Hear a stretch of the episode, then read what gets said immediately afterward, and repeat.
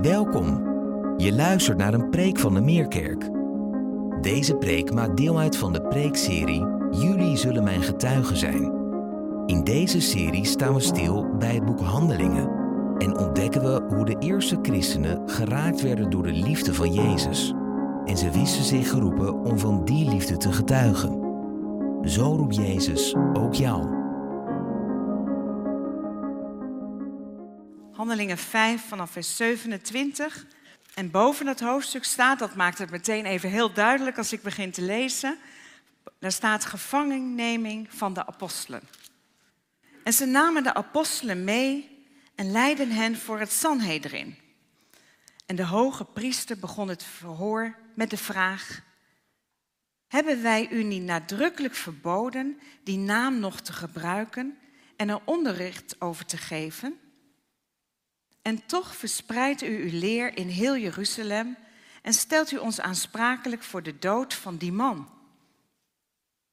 En Petrus en de andere apostelen antwoorden: Men moet God meer gehoorzamen dan mensen. De God van onze voorouders heeft Jezus weer tot leven gewekt, nadat u hem had vermoord door hem aan een kruishout te hangen. God heeft hem een plaats gegeven aan zijn rechterhand hem tot leidsman en redder verheven, om Israël tot inkeer te brengen en het zijn zonden te vergeven. En daarvan getuigen wij, en daarvan getuigt ook de Heilige Geest, die God geschonken heeft aan wie hem gehoorzamen. En toen de leden van het Sanhedrin dit hoorden, ontstaken ze in hevige woede en besloten ze de apostelen ter dood te brengen. Maar toen stond een van hen op, een fariseer, die Gamaliel heette, en die als wetsleraar bij het hele volk in aanzien stond. En hij gaf opdracht de apostelen een ogenblik naar buiten te brengen. En zei vervolgens, Israëlieten, overweeg nog eens goed wat u van plan bent te doen met deze mensen. Immers, enige tijd geleden wierp Theudas zich op als een man die het volk zou leiden en ongeveer 400 mensen sloten zich bij hem aan. Hij werd gedood, zijn aanhang viel uiteen en verdween in het niets. En na hem was er Judas de Galileër, die ten tijde van de volkstelling met zijn volgelingen in opstand kwam. Ook hij ging ten onder en al zijn volgelingen werden uiteengedreven. En daarom zeg ik u, houd u afzijdig van deze mensen en laat hen begaan. Want als het mensenwerk is wat ze nastreven, zal het op niets uitlopen. Maar als het Gods werk is, zult u niets tegen hen kunnen uitrichten. Of het zou wel eens kunnen blijken dat u tegen God strijdt. En de leden van het Sanhedrin stemden met hem in en riepen de apostelen weer binnen. Ze lieten hen geestelen, bevalen hen de naam van Jezus niet meer te gebruiken en lieten hen vrij. En de apostelen verlieten het Sanhedrin, verheugd dat ze waardig bevonden waren deze vernedering te ondergaan omwille van de naam van Jezus. En ze bleven dagelijks onderricht geven in de tempel of bij iemand thuis en gingen door met het verkondigen van het goede nieuws dat Jezus de Messias is. Tot zover Gods woord. Jurje, mag ik jou uitnodigen? Ja, je moet het gemeente maar even in alle eerlijkheid op je in laten werken. Dat wat Trea net gelezen heeft. Of je dat herkent, of het waar is voor je gevoel, voor je beleving. Verheugd waren ze, de apostelen. Dat ze waardig bevonden waren deze vernedering te ondergaan. omwille van de naam van Jezus. Niet, ze hebben het leidzaam ondergaan, ze protesteerden niet, ze bleven vriendelijk. Verheugd waren ze. En voor het geval dat je denkt, ja, maar wacht even, niet te snel het lijntje naar nu. Want ja, handelingen was natuurlijk wel een speciale tijd. Hè? Heilige Geest net uitgestort. Daar gebeurden toch dingen, dat is waar. Maar Jezus noemde het ook al in Lucas hoofdstuk 6. Zalig bent u Wanneer de mensen u haten en wanneer ze u uitstoten en u smaden en uw naam als slecht verwerpen omwille van de zoon des mensen. Verblijd u op die dag. Spring op van vreugde, want zie, uw loon is groot in de hemel. Wie is die mee eens? Ja. Ja, nou ja, geen handen. Uh, je zou ook allemaal wel je hand kunnen opsteken. Zeggen, ja, ja, het staat in de Bijbel. Maar wat gaat dit in tegen ons denken, ons doen, ons laten? Ik ga het nog iets erger maken. 1 Petrus, hoofdstuk 4, volgeling van Jezus. Geliefden, laat de hitte van de verdrukking onder u, die tot uw beproeving dient, u niet bevreemden, alsof u iets vreemds overkwam. Maar verblijd u naar de mate waarin u gemeenschap hebt aan het lijden van Christus. Naar de mate. Hoe erger je vervolgd wordt, hoe meer je je zou moeten verblijden. Opdat u zich ook in de openbaring van zijn heerlijkheid mag verblijden en mag verheugen. Ik heb het thema voor deze preek niet bedacht. Het is me aangereikt door jullie. Maar ik maak er dankbaar gebruik van. En een aantal van jullie heeft het gezien, voor anderen is het nieuw. Je kunt de hele serie van vijf terugkijken de komende week. Maar vorig jaar om deze tijd was er op televisie een uh, serie getiteld Vervolgd. Waar ik namens de EO in samenwerking met Open Doors op bezoek ben geweest bij broeders en zusters die vervolgd werden. En we kijken naar een stukje vanuit Mesopotamië, Irak. Daar waar de bakermat van het christelijk geloof ligt. Erbil naar Marmatai, dat is een klooster. Je kunt het al zien liggen daar. De vierde eeuw na Christus. En het heeft al die eeuwen door alle ja, aanslagen op het christelijk geloof, zou je kunnen zeggen, heeft het uh, overleefd. En ik, en, ik, hoop maar dat dat ook geldt voor de toekomst. Weet je, zoveel mensen verhuizen hier, gaan weg, zien het niet meer zitten. Uh, ja, wat betekent dat voor het christelijk geloof?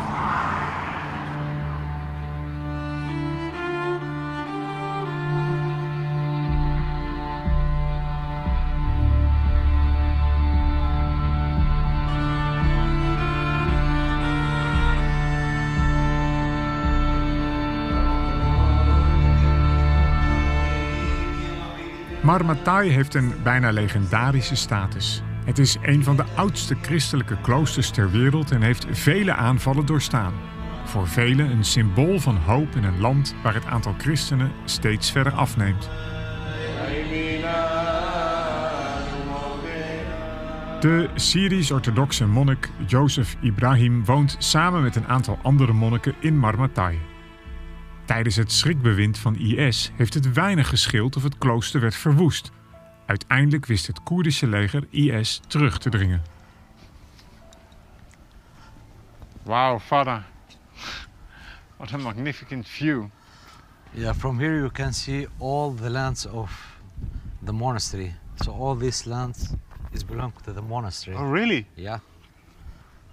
So Das came very close by over here threatening the last Christian cornerstone available over here.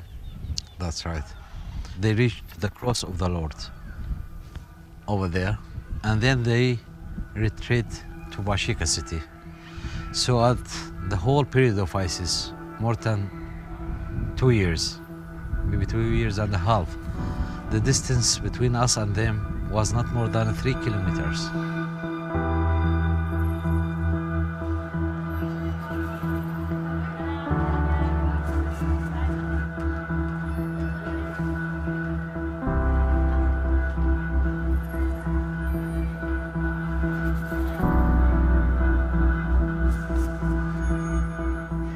Big challenge that we're afraid from losing our community because the bleeding of migration is continuous since long time ago.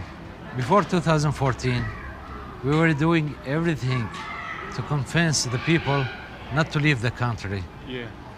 But after 2014, when ISIS enter, we don't have a method to convince them with that because we can't provide them protection. can provide them jobs, uh, shelters, or other essential things for the life. So you understand the people who are leaving. Of course. That's what's happening. But does it mean that this starting point of Christianity might be also an area where Christianity will end in this region? You know that the promise of the Jesus that he said that this is the church and the gates of the hell. Will not overcome. That's right. For that we believe on this speech so much. And also it is the promise of our Lord that you're gonna suffer. They're gonna persecute you. They're gonna kill you just because you are handling our, my name. That's what he said. But Father, there is a small smile on your face when you're telling that. Yeah, because we take the persecution with the joy. Why? because it's the path or the road to the heaven. That's what we believed. If you don't suffer, you wouldn't enter the heaven.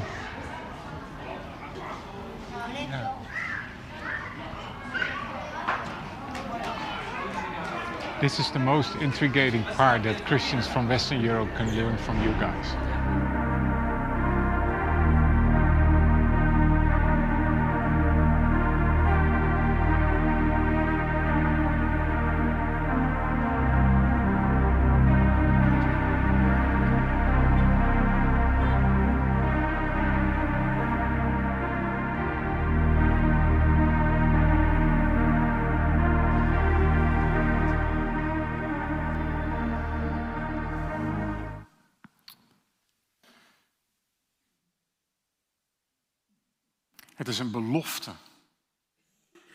Zei vader Jozef. Een belofte dat we mogen, dat we zullen lijden om Jezus wil. De weg naar de hemel. En ik weet niet hoe het jou vergaat, maar als je zulke ontmoetingen hebt of dit soort dingen ziet, dan ben je misschien wel snel geneigd om verwonderd te zijn en ook ontzag te hebben, respect te hebben, bewondering te hebben. Voor, voor mannen zoals hij, voor mensen die gebleven zijn terwijl 90% van de christenheid in de afgelopen 20 jaar vertrokken is of gedood is in het noorden van Irak. Maar als het dan bij ons komt en dichterbij, ja, dan, dan weten we ons niet zo goed raad om met zulke bijbelteksten. Wat betekent dat dan voor jou, voor mij, in een setting waarin we, waarin we kiezen voor vrijheid, waarin we lijden zo ver mogelijk hebben weggedrukt, waarin we welvaart hebben, waarin we ziekenhuizen hebben, waar we proberen zo lang mogelijk te leven of ook afgelopen week opnieuw eh, gezien hebben ja, hoe je het leven, ik denk aan de oud-premier van Acht, kunt beëindigen. Samen met je vrouw, hand in hand, op jouw moment, zodat je niet nog meer hoeft te lijden of zo min mogelijk hoeft te lijden. In onze context zijn dit soort teksten bijna idioot. Maar Jezus leefde eruit. Zijn volgelingen, de discipelen, leefden eruit. Er was helemaal geen vraag meer voor ze. Gelukkig ben je, de bergreden. Gezegend. En Jezus die mag het zeggen. Hij is ons voorgegaan. En we hebben op zijn minst iets te leren van dat wereldwijde lichaam van Christus. Waar wij ook onderdeel van uitmaken. Als ook de mensen in Noord-Irak. In ieder geval zijn er twee belangrijke punten waar het vrucht in oplevert. Als je zo durft en zo mag denken als wat Trea met ons gelezen heeft, het Handelingen 5 en de teksten die ik je voorlas. Allereerst dit. Vervolging bevestigt je van je identiteit. Wie je bent in Christus.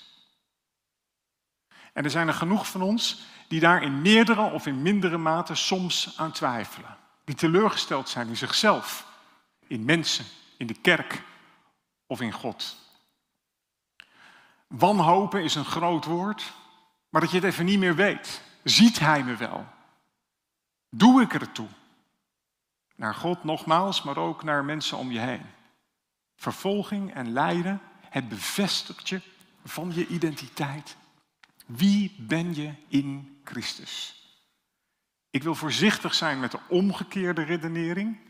Maar ik leg hem wel in je midden. Als je niet vervolgd wordt, zegt dat ook iets van je identiteit. Nogmaals, ik wil er voorzichtig mee zijn. Dit is niet hoe het in de Bijbel staat. Maar het is klip en klaar. Het hele woord door, Oud en Nieuwe Testament. Kijk er niet van op. Bevestig je identiteit. En het tweede, wat een vrucht in ieder geval is, het laat zien wat pelgrim en vreemdeling zijn hier op aarde is. Dat we, ik gebruik die oude woorden maar even, hier geen blijvende stad hebben. Dat we op doorreis zijn, onderweg zijn. Dat we onze voeten niet te vast zetten. Dat we onze palen niet te stevig in de grond ja, neer, eh, slaan, om, om, omdat we hier iets gebouwd hebben. Of, je jong bent of wat ouder, of richting je pensioen gaat en mag gaan genieten van dat wat je verdiend hebt. Heb toch eerlijk voor gewerkt en weet ik allemaal wat. Allemaal waar. Maar we zijn pelgrim en we zijn vreemdeling. En vervolging laat dat zien. Dat je niet van deze wereld bent, maar dat je een ander vaderland hebt, daarboven bij de Heer. En daar zijn we naar onderweg. En dat is precies wat de Bijbel zegt over Jezus, die het lijden kon doorstaan, omdat hij door het kruis heen keek en wist wat er voor hem weggelegd was achter dat kruis. De hemelse heerlijkheid. Dus vervolging bevestigt je van je identiteit, wie je bent in Christus. Vervolging duwt je met een neus op de feiten dat je hier geen blijvende plek hebt. Dat je op doorreis bent, dat je vreemdeling bent. Nou, als je daar meer over wil leren, dan moet je echt de tijd nemen deze week. Ik heb het ook eh, laten zetten in jullie Preek van de Week nieuwsbrief naar deze serie. En kijk dan naar het verhaal uit Maleisië waar mensen keuzes moeten maken omdat ze vreemdeling zijn in hun eigen land. Om de eenvoudige reden dat ze geen emmetje van moslim in hun paspoort hebben staan, maar christen zijn. En dat je altijd met je koffertje klaar staat om de benen te nemen. Omdat je niet erkend wordt. Omdat je niet mag trouwen. Omdat je niet officieel voogd van je eigen kind bent en ouder. Om, omdat je huwelijk niet erkend is als je niet voor de imam getrouwd bent. Bekijk het en zie wat vreemdelingschap dan met je doet.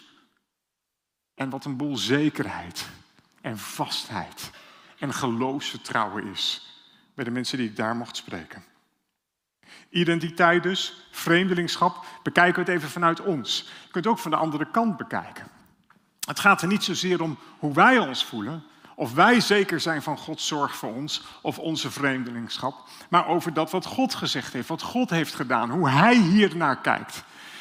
En dan, dan haal ik hem even weg uit het heftige vervolgingsgedeelte, maar, maar denk nou eens aan het Oude Testament, aan die bevrijding van het volk Israël vanuit Egypte. Daar waar Mozes heel veel vragen had. Hoe moet ik dat doen? Dit zijn onze vijanden. Hoe krijg ik ze er vandaan?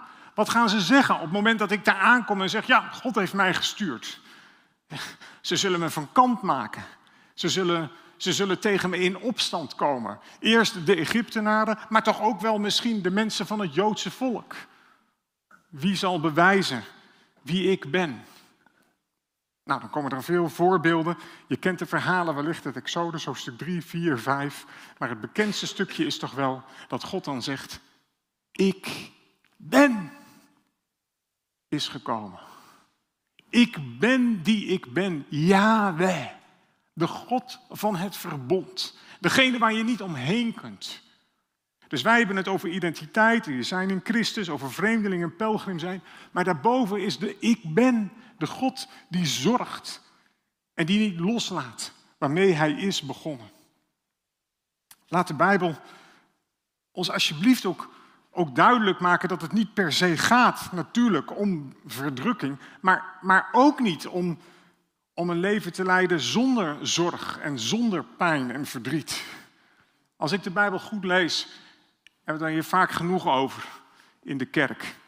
Dan is het geloofsleven niet iets dat je vlucht uit de pijn of vlucht vanuit de verdrukking, maar dat je mag gaan geloven dat er iemand bij is in de pijn. Dat er iemand bij is in de verdrukking. Dat is wat Mozes ervaart. Mozes heeft geen makkelijke stappen moeten zetten bij die farao. Mozes heeft geworsteld met zichzelf, met God en met de mensen. Maar hij heeft gemerkt en ervaren, ik ben is er. Is erbij. En zal meegaan. En een groter voorbeeld, los van geloofsvervolging, wat mensen elkaar aandoen, is natuurlijk Job. Job die alles ontnomen wordt. Job die niets meer over heeft. Laat me het gewoon even zo zeggen vanmorgen. Job die vervolgd wordt door de duivel zelf. En God heeft hem er niet voor behoed. En ik weet, je kunt dat Bijbelgedeelte niet zomaar op jou en op mij allemaal plakken. Maar het laat ons op zijn minst iets zien. Dat als in de wanhoop van het leven Job zich afvraagt waarom hij nog leeft. Hij adviezen krijgt die het, die het lijden moeten zien te verklaren. Jij bent fout geweest, Job, beleid je zonde. Of zijn vrouw, ja, nou Job, jij bent een goed mens. Als God dit allemaal toestaat, hup, zegen God, sterf, laat het alsjeblieft allemaal. Oplossingen van mensen. Maar Job gaat op de dag zelf roepen tot God. En zeggen, Heer, waarom? En dit en dat. En ik ben er rechtvaardig met. En dan die laatste vier hoofdstukken van Job. Als God er als een soort walles overheen komt. Job, wie heeft de bergen gemaakt? Wie heeft de vogels verzorgd? Wie zorgde voor het gras? Wie dit, wie dat, wie zus, wie zo? Job, zeg het dan, zeg het dan. Hè? Is dat wel eerlijk van God? Dat hij op Job zijn vragen gewoon eroverheen walst met wie hij zelf is? Het laat maar één ding zien. Job, je kunt diep in het lijden zitten. Je kunt zwaar beproefd worden. Zo je wil, zwaar vervolgd worden. Wat jij nodig hebt, is geen antwoord op je vragen. Wat jij nodig hebt, is mijn aanwezigheid. En ik weet niet hoe het jou vergaat, maar voor mij, ik ben dit enorm gaan beleven in mijn eigen leven. Waar het niet eens dan ging over geloofsvervolging, hoewel wij daar soms in Amsterdam-Noord met dreigementen en nadigheid mee te maken hebben. In het klein zeg ik dan maar. Maar als het gaat om de persoonlijke dingen in je leven, ziekte, zorg, depressie, ik heb kinderen waar het niet altijd even goed mee gaat. En als je dan je vragen stelt aan God, waarom? Ik heb het hier volgens mij al eens eerder gezegd. Zou je dan antwoorden willen? Ik denk dat het leven voor mij nog veel ingewikkelder wordt als God antwoorden geeft. Stel dat hij zegt, nou, ik wou jou eens een lesje leren als vader. Dus ik dacht, uh, oh, als ik zijn dochter nou uh, een beetje pijn bezorg, kijken wat hij doet. Zou het helpen, antwoorden van God? Ik zou knettergek worden. Ik wil geen eens antwoorden. Ik wil Hem zelf. In het lijden. Erbij. Zodat ik het aan kan. En hij weet waar hij het over had. Jezus, die op zijn knieën lag. Vader, laat deze beker aan mij voorbij gaan, niet mijn wil, maar uw wil geschieden. En Paulus weet waar hij het over had. Het is geen makkelijke weg. Het is niet gedoopt worden op 3 maart en dan hupsakee de snelweg verder tot aan je dood. Het is een strijd en dat weet je ook wel. Vroeger werd dat zo gezegd en soms nog steeds. Welkom in de strijd als mensen zich lieten dopen of beleidenis van hun geloof deden of wat ook. God die erbij is. En dat het een worsteling is en worsteling blijft in dit leven. Oh ja. En dat we dan maar niet al te veel moeten oordelen over anderen. Oh ja. Ik heb mijn lesje wel gehad in ieder geval vorig jaar. Kijk maar wat Jackie vertelt in Maleisië. Is gedwongen om te trouwen met iemand die moslim is, omdat ze graag zorg wilde dragen voor haar kinderen. En ze zou niet als moeder erkend worden als ze niet voor de islamitische wet getrouwd was. En daarom maakte ze de keus.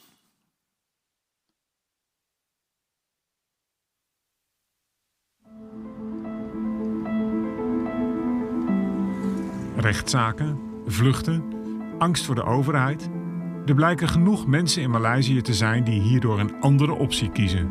Je doet je voor als moslim, maar je behoudt je echte geloof voor jezelf. We noemen haar Jackie. Ze was officieel christen, maar werd verliefd op een moslim. Om te kunnen trouwen bekeerde ze zich via een aantal overheidscursussen tot de islam. Maar stiekem is ze gewoon christen. En haar man vindt het prima. So if I ask you very easily, inside your heart you're a Christian?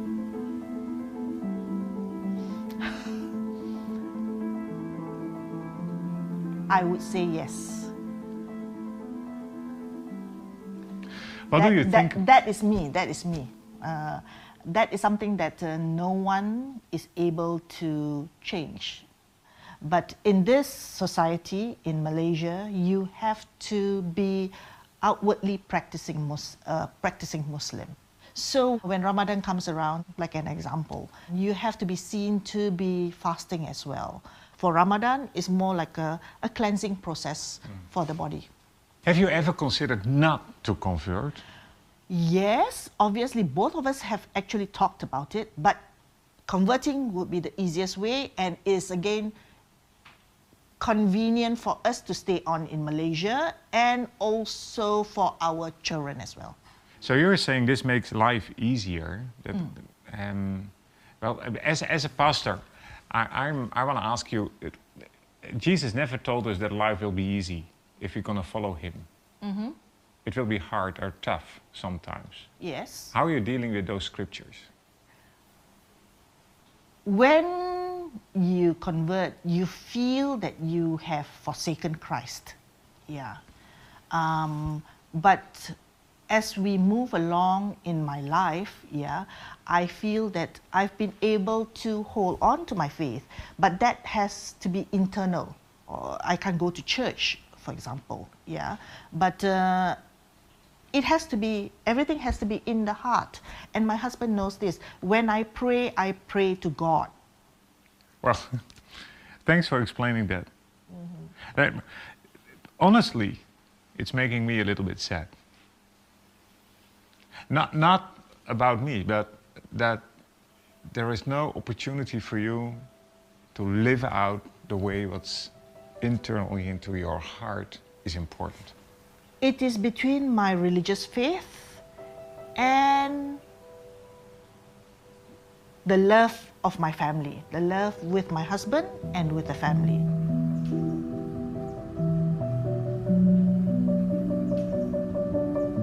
ja, Jackie is dus christen in de hart, maar voor de buitenwereld moslim. Ja, Go with the flow. echt hè? Ja, ik merk dat het wel. Ik, het wordt, ik word er ontzettend in gechallenged, merk ik. Want ik snap het eigenlijk wel. Ik begrijp het wel. Maar ik. Volgens mij zou ik dit niet kunnen. Omdat het zou strijden met mijn authenticiteit. Ik zou. Ik snap wat ze zegt van go with the flow en leef je leven. Maar ik zou mijn hele leven het gevoel hebben dat ik een dubbel leven leid. En dat kan ik niet. Ja, maar dat heeft nogal wat consequenties, hè? Want ja, dan kan je al niet trouwen. Dus Ja, dat ik- moet dan al. Ja, ik denk dat ik. eh, als ik de kans zou hebben, want dat kan niet iedereen in Maleisië. Dan zou Ik denk, terug. zou, ik zou vertrekken. Maar stel, stel dat je kan niet vertrekken, dan zou ik bijvoorbeeld bij mezelf denken... nou ja, dat, wat moet, dat moet dan maar. Ter wille van het geluk van mijn gezin, mezelf, mijn kinderen... mijn familie, mijn- werk... dat je dan toch, toch in ieder geval een prachtig leven kunt hebben. Ja, de grap is dat ik dan denk ik een beetje in de, in de strijd zou gaan, in de fight staan, dat ik dit verhaal wat je nu vertelt, dat ik dat volgens mij dus hardop zou zeggen. Dus van, oké, ik ga nu zeggen dat, eh, dat eh, wat de islamitische geloofbelijdenis is en ik heb die lessen gevolgd. Prima, als jullie dat systeem willen, doe ik dat. Prima, ik ben moslim. Ja, jij wordt recalcitrant. Ja, ja, dan, dan heb je ook weer kans dat mensen, Dat de klopt. buren... dat klopt. die gaan zeggen dat is een vervelend mannetje. Ja, nou, dan zou ik denk ik de consequentie daarvoor dragen. Behalve als ik zeker wist dat mijn gezin, mijn kinderen of wie ook Nou, daar ga je al. Ja, nee, maar daarom zeg, zeg ik ook dat ik haar wel, ik begrijp het wel. En ik wil, haar ook niet, ik wil het ook niet veroordelen. Want ik zit niet in deze setting. Dus ik moet echt heel voorzichtig zijn om daar wat van te vinden, vind ik. Maar ik zou het niet kunnen. Ja. Zou Jackie eh, gewoon leven wat er in Romeinen 7 staat? Hè? Van het goede wat ik wil doen, dat doe ik niet. En het verkeerde wat ik niet wil, dat doe ik. Er zijn ook mensen die gaan het gevecht wel aan. Die vechten bij de rechtbank op dit moment 13.000 zaken, van wie er nog niet één, er zijn er zeven behandeld en nog niet één is er gewonnen. Maar ik sprak ook mensen die, die zeggen, ik ga, er, ik ga een rechtbank helemaal niet opzoeken. Er staat gewoon moslim in mijn paspoort, dus ze liever een, paspoort te zien. En dat zijn dus voorgangers van kerken. Dat is ook wel stoer, toch? Er staat er gewoon moslim in je paspoort. En je staat elke zondag op een preekstoel. Ja, is dat ook een dubbel leven of juist niet? Ik heb met Jackie doorgepraat over Romeinen 7 en over Romeinen 8. En ze kon bijna zo opzeggen. Maar in dit alles ben ik meer dan overwinnaar. Dood, nog leven. Ziekte, nog gezondheid. Rijkdom of armoede. Vervolging. Niets kan mij scheiden van de liefde van Christus. Ik wil het je in alle eerlijkheid laten zien, omdat het niet zo is dat vervolgde christenen en masse ons grote voorbeeld zijn en dat wij toch nog wel eens een keer wat te leren hebben. Het leven is een worsteling. Het is een strijd. Of je nu Job heet, of Thomas, of je nu Petrus heet, of Jackie. Het bevestigt je van je identiteit. Het laat zien dat we vreemdeling en pelgrim hier op aarde zijn. Oké. En dat allemaal onder de paraplu van ik ben, God die er is in die situatie. Maar wat moet je dan? Wat heb jij daaraan? Vrienden, ik denk dat als je jezelf die vraag stelt, er ook een antwoord vanuit de Bijbel is. En dat is het antwoord, doe wat je wel kunt doen in de omstandigheden van je leven. Hier in Hoofddorp, op de plek waar je woont, daar waar je werkt, in je familie, zonder dat je nou overal vervolging moet opzoeken, want we weten ook, dat is een ander thema, hoe belangrijk het kan zijn om mensen juist lief te hebben, vanuit de liefde van Christus, zodat ze geïnteresseerd raken in plaats van dat je altijd maar de barricades op gaat en bij de waarheid blijft, jouw waarheid en de interpretatie daarvan. Maar doen wat je wel kunt doen, is cruciaal. Eh, nog één keer reclame, je kunt het gewoon terugkijken, de aflevering over Colombia. Waar mensen vervolgd worden, pastors gedood worden, omdat ze jonge mensen waarschuwen tegen de drugskartels. En dan zelf door het hoofd geschoten worden. En ik mocht op pad naar een gebied in de jungle, drie uur met een speedboot, een heel eind weg, waar nooit westerse mensen waren geweest. Laat staan cameraploegen. Er was een dealtje gemaakt met de rebellenleiders, die foto's van ons hadden gekregen. En die pastor die kon alles maken. Het was een katholieke priester, vader Gorge. Als er oorlog is tussen de rebellen, wordt hij gebeld en haalt hij de lijken uit het bos. En als een van de kinderen van de rebellen gedoopt moet worden, want ze zijn daar allemaal katholiek, dan wordt pastor Gorge gebeld om te komen dopen. En hij kreeg het voor elkaar om dan nu te zeggen, nou, dan wil ik nu een keer met een bootje Nederlanders de rivier op. En jullie laten ze met rust. Doen wat je wel kunt doen. Indrukwekkende aflevering. Het heeft ook wel bijbelse papieren. Denk maar aan Paulus, die schipbreuk leidt. Samen met heel veel mensen op een boot. Hij heeft gewaarschuwd, vaar niet uit. Het wordt slecht weer. Maar ze varen wel uit. Je kunt het lezen aan het eind van het Bijbelboek Handelingen. En dan komt die grote storm en dan gaat het haast mis. En er staat in de Bijbel dat het twee weken donker is, dat er geen zon en geen maan te zien is. In een tijd zonder satellieten is dat heel heftig, want dat was je navigatie. En mensen eten niet meer en drinken niet meer en zijn ziek. En Paulus heeft de moed om op de boeg te gaan staan en dan te zeggen, terwijl hij wellicht de enige christen in de hele, op het schip was onder die bijna 300 mensen. En dan gaat hij staan en dan zegt hij, mannen broeders. En tegen die Romeinse soldaten en tegen die gevangenen en mogelijk die Joden daar aan boord legt hij uit wat God hem gezegd heeft en waar hij voor staat. Nou, kennelijk was de nood in het leven van iedereen zo groot dat er op dat moment even geen vervolging was, al is Paulus een gevangene. En hij legt uit wat er nodig is om te overleven, zodat de droom die hij gehad heeft van God waar wordt het visioen wat hij heeft gehad werkelijkheid gaat worden. En als hij dat gedaan heeft, dan is het vervolgens hands-on. En hij zegt, het overgebleven spul moet overboord En trouwens, voordat we dat doen, eten en drinken. Want je moet iets sterker worden, want straks moet je zwemmen. Zo simpel is het ook. Je kunt mooie geestelijke woorden hebben en denken van ja, dat zit zo en zo over vervolging. En je zou dankbaar moeten zijn, want de Heer heeft dit en dat. En dan kun je maar zo een fariseer worden rond dit thema. Hands-on. Doe wat je hand vindt om te doen. Het is woorden en daden. zeg ik zelfs als Amsterdammer. Het is nodig. Het moet. We mogen aan de slag met dat wat de Heer ons gegeven heeft. Paulus deed het. En de priester Schorge die deed het ook. Ik hoop dat het je inspireert als je het bekijkt. Identiteit, vreemdeling zijn, dat allemaal onder de paraplu van de ik ben, Yahweh die voor ons zorgt. Het derde, doe wat je kunt doen, of er nu vervolging is of niet. En het vierde, wat we nadrukkelijk kunnen leren van de vervolgde kerk, maar wat ook voor ons toepasbaar is, bid, zegen en omhels. De broeders en zusters in de leidende kerk, ze vragen meestal niet of God de verdrukking wil wegnemen, maar of ze sterke schouders mogen krijgen om het kruis wat hen is opgelegd te kunnen dragen. En ik zie ze worstelen, maar ook hele mooie momenten meemaken met hun vervolgers. En om dat maar even heel dichtbij te halen, want wat moet je daar nou mee hier in de Meerkerk? Nou ja, in onze kerk in Amsterdam Noord werd ik steeds vaker geconfronteerd met mensen die iets vonden van een ander. Hé hey, pastor, mag ik even met je praten? Waar gaat het over? Ja, over die en die. Oh, oh, oh. Heb je zelf al met hem of haar Nee, dat lukt me juist niet. Misschien herken je het wel. Wij hebben een regel in onze kerk. Voordat we gaan praten, ga jij een maand lang elke dag voor die persoon bidden en hem of haar zegenen.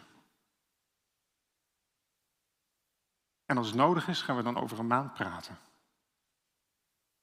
Nagenoeg nooit is het nodig om nog te praten. Want als je gaat bidden voor een ander, als je een ander gaat zegenen, en we hebben het hier niet over elkaars vijanden, maar broeders en zusters met verschillende karakters die moeilijk doen naar elkaar. Als je gaat zegenen en bidden, dan verandert doorgaans niet de ander, maar dan verander jij. Jij wordt milder. Jij wordt liefdevoller. En jij wordt vergevingsgezinder. Want dat zeg ik er wel altijd bij als iemand bij me komt. Je hoeft niet elke ochtend op je knieën en te vragen: Heer, verander hem. Heer, verander hem. Verander hem toch. Dat hij het eindelijk eens zal gaan zien. Dat is niet zegenen. dat is wat anders. En ik roep je ertoe op. Onze broeders en zusters in de vervolgde kerk tonen het ons. En je mag het ook toepassen op je werk. Hoe vervelend de situatie ook zijn. En hoewel ik snap dat daar ook allemaal andere dynamieken spelen. Macht, leiderschap, weet ik allemaal wat. Ik wil op geen enkele manier doen alsof het maar enigszins eenvoudig is, want dat is het niet. Ik heb niet voor niks Job genoemd. Ik heb niet voor niks Jackie laten zien. Het leven is een strijd. Ik vind het wel in ieder geval. En geen eenvoudige. Maar hij is erbij. En je mag bidden, je mag zegenen, je mag goed doen. Doe wat je wel kunt doen. Want wat zegt het woord in Romeinen 12? Zegen je vervolgens en laat je niet overwinnen door het kwade, maar overwin het kwade door het goede. Ja, we zijn geroepen als christenen om te vechten tegen het kwaad, om onrecht te ontmaskeren, om shalom te brengen, om vrede te brengen in de stad, in de plek die de Heere God jou gegeven heeft. Ja, en dat moeten we blijven doen, jij en ik. Maar er zijn ook tijden, dan moet je helemaal niet vechten tegen het kwaad, dan moet je het kwaad overwinnen door het goede. Zoveel goed doen dat je tegenstander er gek van wordt en niet meer weet wat hij moet. Dat is wat Jezus deed uit liefde. Alles geven. Daar aan een kruis. En als jij het kwaad overwint door het goede te doen, dan betekent dat niet dat je er zand over gooit of dat je zegt, nou laat maar zitten of het is niet zo erg.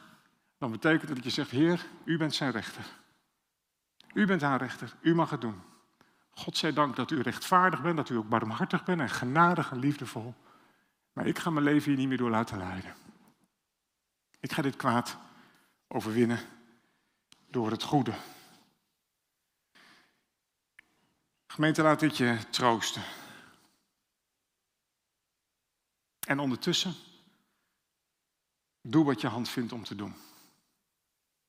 Vernederd worden om Christus wil. Jullie mogen wel komen, muzikanten. Vernederd worden om Christus wil. De Bijbel zegt dat het erbij hoort. De Bijbel zegt, het kan niet eens zonder. Verheug je erin. Ik zou willen toevoegen, je hoeft het niet te zoeken. Maar als het je overkomt in ons goede leventje, wil je dan realiseren dat wat de Bijbel zegt, dat het niet vreemd is, dat je er niet voor weg hoeft te vluchten, maar dat God erbij is. Vorig jaar stierf Open Doors oprichter Anne van der Bel. En daags na de aanslagen op 9-11 deed hij de fantastische, maar ook door sommige mensen gewraakte uitspraak. Je vijanden, moslimterroristen, daar moet je naartoe gaan. Die moet je lief hebben. Die moet je omhelzen. Want om te schieten heb je afstand nodig. Amen. Laten we bidden.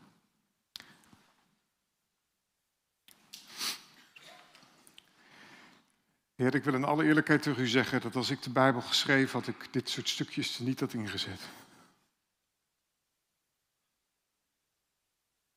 Omdat het spot met de natuurwet, zou ik bijna zeggen. Met ons menselijke natuur. Om lijden te vrezen en vervolging uit de weg te gaan. Wat een bemoediging voor onze broeders en zusters in de wereld. Dat het wel in de Bijbel staat. En wat een aansporing voor ons. Om onze mind, onze gedachten te veranderen. Te erkennen en te zien dat u wat van plan bent door lijden heen. Zegent u alstublieft broeder Youssef in Irak. Zegent u Jackie in Maleisië. Zegent u vader Gorge in Colombia waar hij optrekt met rebellen en doet wat hij kan doen om Gods liefde te tonen. Zegen ons als we wellicht kijken naar deze afleveringen. Dat het dichtbij mag komen in plaats van dat het uh, allemaal op afstand blijft, is ons gebed. Zegen broeders en zusters die vervolgd worden. En wees met ons in klein lijden, wat dan ook weer heel groot kan zijn als het gewoon om ons eigen leven gaat. En de nadigheid in ons gezin. Het verdriet wat we als individu kunnen hebben. Fysiek gekweld door ziekte of mentaal. Daar waar onrecht is of niet gezien worden. Heer, ontferm u. En tenslotte, samen willen we u bidden, Heer. Vorm ons Kneed ons. Maak ons beelddragers van U, Jezus. Dat we steeds meer op U gaan lijken.